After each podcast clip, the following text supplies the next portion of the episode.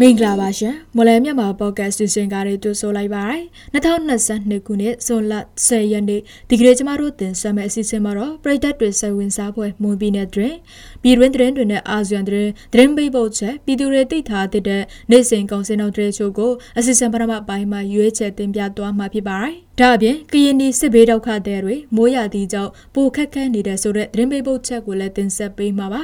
ဟုတ်ကဲ့ပါဒီကနေ့အစီအစဉ်မူကတော့ကျမမီအိုင်ဘလော့ကတာဝန်ယူသွားမှာဖြစ်ပြီးကျမနဲ့အတူကိုအခရမုံကသတင်းတွေကိုကူညီဖက်ကြားပေးသွားမှာဖြစ်ပါတယ်နားဆင်ကြတဲ့ပရိသတ်များအားလုံးမင်္ဂလာပါလို့နှုတ်ခွန်းဆက်သပါရစေကျွန်တော်အခရမုံကမီအိုင်ဘလော့နဲ့အတူသတင်းတွေကိုကူညီတင်ဆက်ပေးသွားမှာပါ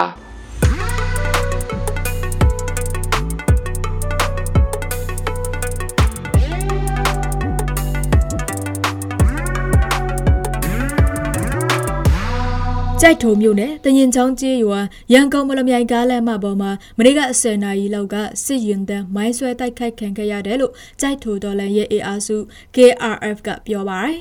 ကြိုက်ချိုကနေဘီလင်းမြို့နယ်တဲ့ကိုမောင်းနှင်လာတဲ့ကားလေးစီးပါစစ်ရင်တန်းကိုကရမျိုးသားလူမျိုးရေးတပ်မတော် KNLA ကြိုက်ထိုတော်လည်းရဲ့ AR စု KRF ကြိုက်ထိုပြည်သူ့ကာကွယ်ရေးတပ်ပူးပေါင်းအဖွဲ့ကမိုင်းဆွဲတိုက်ခိုက်ခဲ့တာပါ။ စစ်ရင်တဲ့မိုင်းဆွဲတိုက်ခိုက်ခဲ့ရပြီးနောက်နှစ်ဖက်အပြန်အလှန်ပစ်ခတ်မှုဖြစ်ပေါ်ခဲ့ပြီးအဲ့ဒီပစ်ခတ်မှုအတွင်းစစ်တပ်ကားတစ်စီး40မမကြီးထိမှန်ခဲ့တာပါ ဒေရကန်တွေအဆိုအရမိုင်းဆွဲတိုက်ခိုက်ခံလိုက်ရတဲ့စစ်ရင်တပ်ဟာဘီလင်းမြို့နယ်ထက်ကိုအရှင်ပြမောင်းနှင်သွားပြီးလမ်းတစ်လျှောက်မှာလည်းအင်ဂျင်ဝိုင်းတွေယိုဖိတ်စီစဉ်သွားတယ်လို့ဆိုပါတယ်။ပြီးခဲ့တဲ့၃ရက်ကလည်းကြိုက်ထိုမြို့နယ်အင်ကဘိုကျေးရွာနီးမှာစစ်ရင်တပ်မိုင်းဆွဲတိုက်ခိုက်ခံရတာကြောင့်ကားတစ်စီးထိခိုက်ပျက်စီးခဲ့ပြီးစစ်တပ်ဘက်က10ဦးသေဆုံးခဲ့တယ်လို့15ဦးထိခိုက်ဒဏ်ရာရရှိခဲ့တာလို့ KNU ကထုတ်ပြန်ထားပါတယ်။တနင်္လာရီတိုင်းမြို့နယ်တချို့မှာတရားမဝင်73စီရောင်းဆိုင်ငယ်လေးတွေကို ဖမ်းဆီးမယ်လို့သတင်းထပ်ပေါ်ပြီးတဲ့နောက်ဒေသခံများစုက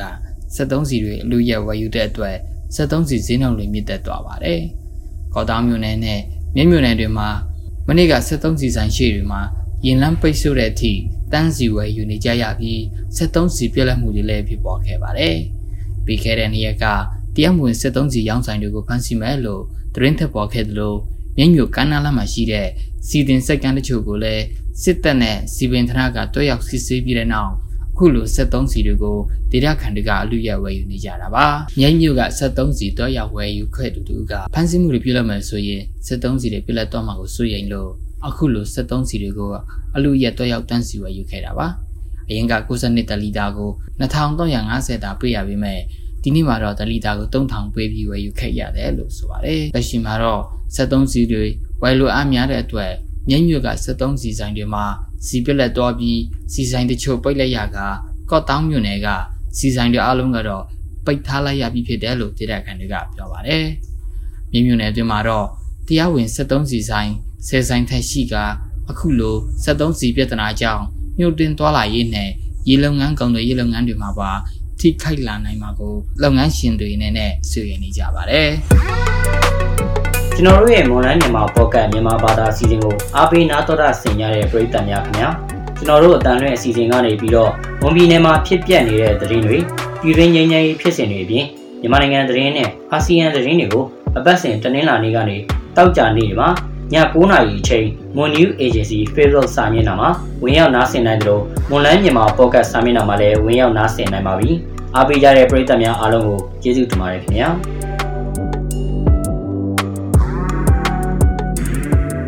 မြန်မာငွေကြေးအစမတန်ဖုံးပွက်လာမှုကြောင့်ထိုင်းမြန်မာနယ်စပ်မြဝတီမြို့ရှိတရားမဝင်လိုင်စင်မဲ့ကားရောက်ဝယ်ပို့ဆောင်တဲ့ဈေးကွက်ပြက်လူနီးပါဖြစ်နေတယ်လို့ရောက်ဝယ်လောက်ကင်သူများထံမှသိရပါဗျ။ မြဝတီမြို့မှာတစ်ဖက်နိုင်ငံကတရားမဝင်ကန်းကူတင်သွင်းလာတဲ့လိုင်စင်မဲ့ကားတွေကိုအရောက်အဝယ်ပြုလုပ်ရမှာမြန်မာနိုင်ငံရဲ့အစမတန်ငွေကြေးတန်ဖိုးဖောင်းပွက်လာမှုကြောင့်ဈေးကွက်ပြက်လို့နေပါဖြစ်နေပြီးကားရောင်းဝယ်လောက်ကင်သူတွေအခက်ကြုံနေရတယ်လို့ကားရောင်းဝယ်လောက်ကင်နေသူတို့ကဆိုပါတယ်။အရင်ကထိုင်းမြန်မာနယ်စပ်မှာရှိတဲ့လိုင်စင်မဲ့ကားတွေကိုနယ်ခြားဆောက်တဲ့ BGM နဲ့သူတို့နဲ့နှိစက်တဲ့စီးပွားရေးလုပ်ငန်းရှင်တွေလက်ဝါးကြီးအုပ်ထားပြီးလိုင်စင်မဲ့ကားထားရှိတဲ့ဂိတ်နဲ့ခြံဝန်းပေါင်းအခု20ထပ်မံရှိနေတယ်လို့သိရပါပါတယ်။အခုအခါမှာတော့အဲ့ဒီဂိတ်တွေမှာကားအရောက်အဝယ်မဖြစ်တာကြောင့်ကားတွေကိုအဲ့ဒီချန်ဝန်ထဲမှာပဲထိမ့်သိမ်းထားရှိထားပါတယ်။အရင်နှစ်တွေဆိုရန်ကုန်မန္တလေးထားဝယ်မြစ်ကြီးနားအစရှိတဲ့မြို့ကြီးတွေကိုပို့ဆောင်ပေးနေတာလို့ကားပွဲစားများထံကသိရပါတယ်။အလားတူအဲ့ဒီလိုပို့ဆောင်ပေးရမှာလဲလမ်းကြောင်းတွေမှာအဖက်အဆီးစစ်ဆေးများတာကြောင့်အဲ့ဒီအတွက်ကားတန်ဖိုးအပေါ်မူတည်ပြီးစစ်ဆေးရဂိတ်တွေကိုတရားမဝင်ဂိတ်ကျေးတွေပေးပြီးပို့ဆောင်ပေးရတဲ့အတွက်ဈေးအဆက်မတန်ပိုတက်လာတာကြောင့်တွက်ချင်မဂိုက်တော့ပဲလိုင်စင်မဲ့ကားဈေးကွက်ပြက်လွတ်နေပါဖြစ်နေတာလို့ကားရောင်းဝယ်လောက်ကင်သူတွေကဆိုပါရယ်ရှမ်းပြည်တောင်ပိုင်းမိုင်းရှူးမြို့နယ်နဲ့တန်ရမ်းမြို့နယ်ကြားကရှမ်းပြည်ထုသက်ရေးပါတီ SSPP တပ်စခန်း၃နေရာကိုစစ်တပ်ကဒီကနေ့နောက်ဆုံးထားပြီးတပ်ဆုတ်ခွာခိုင်းပေမဲ့ SSPP ကတပ်ဆုတ်ခွာတော့မဟုတ်ကြောင်း SSPP ပြောခွင့်ရဗိုလ်မှူးကြီးစိုင်းစုကပြောပါတယ်စစ်တပ်ကတပ်ဆုတ်ခွာခိုင်းတော့လဲ SSPP ဘက်မှတက်ဆောက်သွားမှာမဟုတ်ကြောင်းဒါအပြင်စစ်တပ်က စစ်စင်ရေးထိုးလိုက်ရင်တိုက်ပွဲဖြစ်ပွားနိုင်တယ်လို့သူကဆိုပါတယ်သူတို့ပြောတာတော့ဇေယျနောက်ဆုံးထားပြီးထွက်ခွာခိုင်းတာဒါပေမဲ့ကျွန်တော်တို့ကထွက်ခွာလို့မရဘူးလေခုတော့ကျွန်တော်တို့လည်းစစ်ရေးပြင်ဆင်ပြီးတော့စောင့်ကြည့်နေပါတယ်တိတက်နေရာတွေကလည်းကျွန်တော်တို့နေလာတာ10နှစ်ရှိပြီဟု SSPP ပြောခွင့်ရဘုံမူကြီးဆိုင်စုကပြောပါတယ် SSPP တက်စခန်းဆောက်ခိုင်းနေတာဟာစစ်တပ်ကဖိတ်ခေါ်ထားတဲ့ငင်းချမ်းရေးဆွေးနွေးပွဲကိုမတက်ရောက်စေချင်တဲ့ရွယ်ချက်နဲ့ တက်ဆောက်ခိုင်းရတာဖြစ်တယ်လို့ဘုံမူကြီးဆိုင်စုကထလောင်ပြောပါတယ်။ငင်းချမ်းရေးဆွေးနွေးပွဲကိုနှက်ဆက်ကကောင်စီဥက္ကဋ္ဌပူချုပ်မူကြီးမြောင်လိုင်းဖိတ်ခေါ်ထားတဲ့ငင်းချမ်းရေးဆွေးနွေးပွဲကို SSPP က နေပြည်တော်ကိုမတော်ရသေးဘူးလို့သိရပါတယ်။ထိုင်းနိုင်ငံချင်းရိုင်ပြည်နယ်အပါအဝင်ထိုင်းနိုင်ငံအတွင်းပိုင်းဒေသစီကိုရွှေတိကန်ဒေသကလာတဲ့စိတ်ကြွဆေးပြားတွေအလုံးအရင်နဲ့ဝင်ရောက်လာတာကြောင့်ထိုင်းအာဏာပိုင်တွေကနေ့စဉ်ဖမ်းဆီးနေရမှာပြီးခဲ့တဲ့၃ရက်အတွင်းမှာပဲဘက်ငွေတန်းပေါင်း3000ကျော်တင်ဖို့ရှိတဲ့စိတ်ကြွဆေးပြား16တန်းကျော်လောက်ဖမ်းမိခဲ့ပါတယ်။စိတ်ကြွဆေးတည်ဆောင်လာတဲ့သူတွေဟာကုန်တင်ကားနဲ့တည်ဆောင်လာတာလူနာတင်ကားနဲ့တည်ဆောင်လာတာနနက်သေးတွေရဲ့အောက်မှာဖော့ဖားတွေနဲ့တည်ဆောင်လာတာပြင်တခြားနည်းလမ်းတွေနဲ့တည်ဆုံနေကြတာဖြစ်ပါတယ်။ဒီရက်ပိုင်းမှာပဲရှမ်းပြည်နယ်ကနေလာတဲ့မြန်မာနိုင်ငံသားတို့ကိုထိုင်းနိုင်ငံချွေရိုင်ပြည်နယ်ထမှာခတ်တမင်းမှုရက်စင်25ကီလိုနဲ့အတူဖမ်းမိခဲ့ပါတယ်။ သူကတော့ထိုင်းနယ်ကြားဆောက်တပ်ဖွဲ့3ကစစ်ဆေးဖမ်းဆီးလိုက်တာပါသူနဲ့အတူတဲလာတဲ့အဝါရောအိတ်ထဲမှာတော့ရှစ်သုံးလုံးသစိတ်ပါခတ်တမဲစိတ်ကြွစေ25ထောက်ကိုဖမ်းဆီးနိုင်ခဲ့ပြီးဂါလာတန်ဘိုးကတော့ထိုင်းဘတ်ငွေ3သိန်းကျော်တန်ဖိုးရှိတယ်လို့ဆိုပါတယ်အခုဆိုရင်မြန်မာနိုင်ငံနဲ့ဆက်ဆက်နေတဲ့အရွှေ့တောင်အာရှဒေသမှာစိတ်ကြွစေထုတ်လုပ်မှုနဲ့ကုန်သွယ်မှုဟာပြီးခဲ့တဲ့နှစ်အတွင်းအမြင့်ဆုံးအထိရောက်ခဲ့တယ်လို့2022ခုနှစ်ကုလသမဂ္ဂမူရစေဝါနဲ့ရာဇဝတ်မှုတိုက်ဖျက်ရေးဌာနအစီရင်ခံစာမှာဖော်ပြထားပါတယ်။မြန်မာနယ်စပ်ထိုင်းမြန်မာလာအိုသုံးနိုင်ငံဆောင်ရာရွှေသတိကန်ဒေတာမှာကိုဗစ်ကပ်ရောဂါနဲ့နိုင်ငံရေးမတည်ငြိမ်မှုတို့ကိုအခွင့်ကောင်းယူပြီးမူရက်ကိုင်းတွေနဲ့လက်နက်ကင်တပ်တို့ကပြီးခဲ့တဲ့2021အတွင်းအခုလိုတိုးချက်ထုတ်လုပ်ဖျက်ဖြူခဲ့တာလို့လည်းကုလသမဂ္ဂမူရက်စေဝါနဲ့ရာဇဝတ်မှုတိုက်ဖျက်ရေးအဖွဲ့ UNODC ကအစီရင်ခံစာမှာဖော်ပြခဲ့ပါတယ်။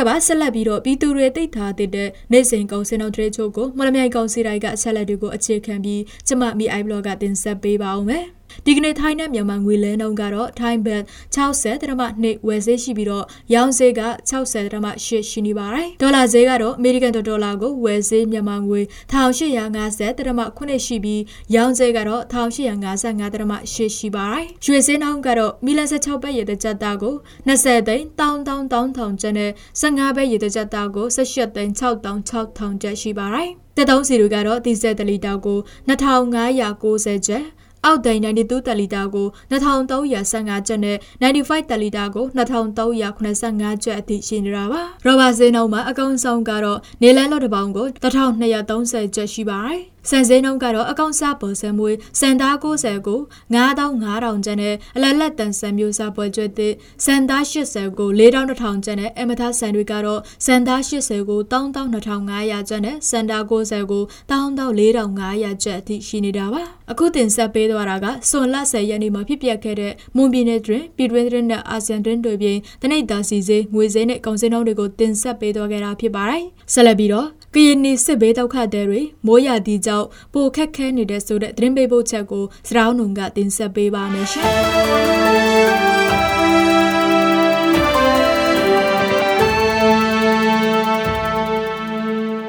။စစစ်တပ်ကအာဏာယူပြီးလေးလနီးပါးကြာပြည်ခရက်နှစ်မေလကလေးကကရင်နေပြည်နယ်ဒီမော့ဆိုမြို့နယ်ကပြည်သူတွေစစ်ပေးတောက်ခတဲ့ဘဝရောက်ရတာအခုဆိုရင်တစ်နှစ်ကျော်လာခဲ့ပါပြီ။ တောတောင်ထူထပ်တဲ့ကြရပြည်နယ်ဟာကိုအိုကိုအိမ်နဲ့လလုံးချောင်နေရတဲ့အချိန်မှာတော့မိုးကြီးတဲ့တန်ကိုနှစ်ဆင်ခံစားရလိရှိပါတယ်။ပြည်ရင်းစစ်ကြောင့်အဝတ်တထည်ကိုတစ်ခုနဲ့ထွက်ပြေးခဲ့ရတဲ့စစ်ပေးတောက်ခတဲ့ဘဝမှာတော့ယာယီမိုးကာတွေကမိုးတန်ကိုမသားနိုင်ပဲအတော်ခက်ခဲတဲ့အတော်ခက်ခဲတဲ့အခြေအနေကိုရင်ဆိုင်နေရတဲ့အကြောင်းဒီမော့ဆိုမြို့နယ်နောက်ဘက်ခြမ်းစစ်ပေးတော့ခတဲ့စခန်းတစ်ခုမှခိုးလောင်နေတဲ့တော်အစ်စတာကပြောပါတယ်။စစ်ချံပြန်နေတာ ဒီနေ့ကြော်ပြီ။တဲမလေးမူကလေးဆောက်ရရှာလန်ရှိခဆလန်ရှိနောက်မူကဆိုတို့ချီလေဝဲချီလေခဆလန်ရှိလေလေမဆိုင်ရဘူးတော်ရလဲမလောက်ရတခါတလေရမိုးမြများကြီးစမကအဲ့ရကိုလဆိုတဲ့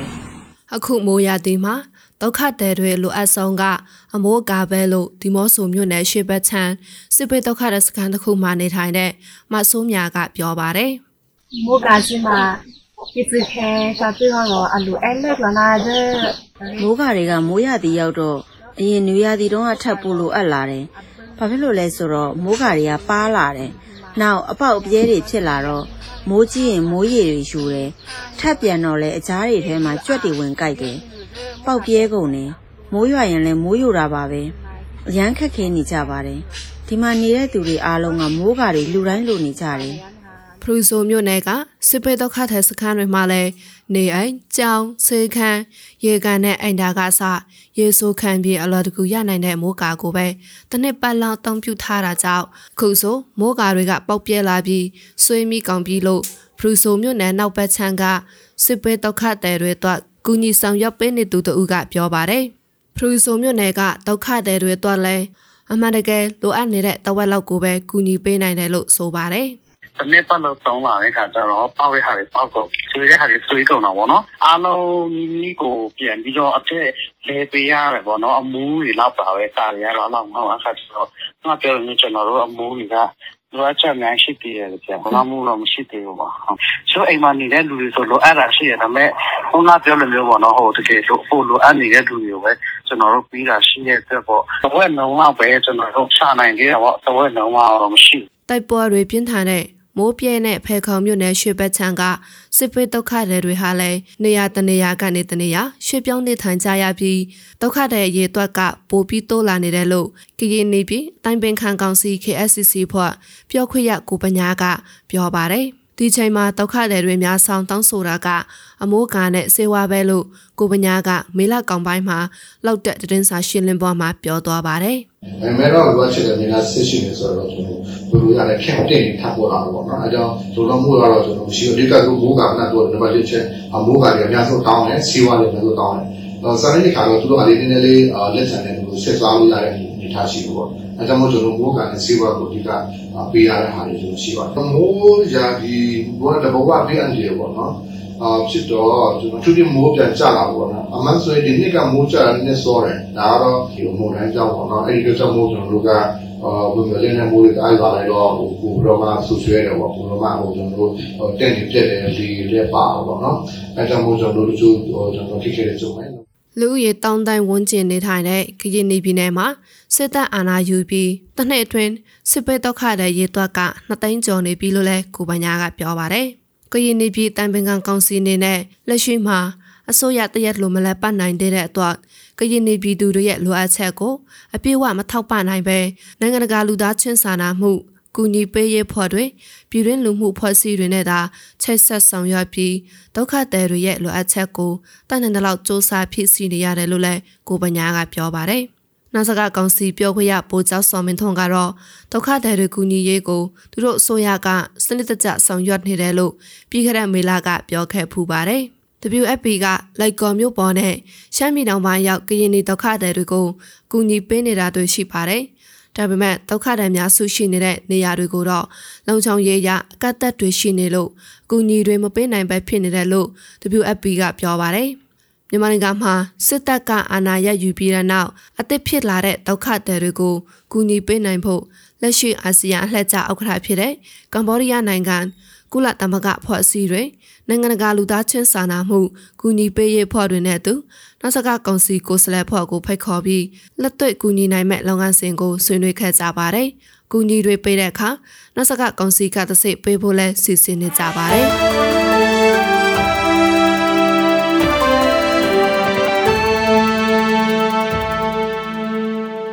ကျွန်တော်တို့ရဲ့မွန်လန်းမြန်မာဘာသာတန်လေးစီစဉ်ဒီမှာပြင်ပြီးဆိုပါပြီ။အားပေးနားတော်တာဆင်ကြတဲ့ပြည်သူများအားလုံးနောက်နေ့စီစဉ်ဒီမှာလဲဆက်လက်အားပေးကြပါအောင်လို့ဖိတ်ခေါ်ရင်းအစီအစဉ်ကိုဆုံးဖြတ်ပါရစေ။အားလုံးကိုကျေးဇူးတင်ပါတယ်ခင်ဗျာ။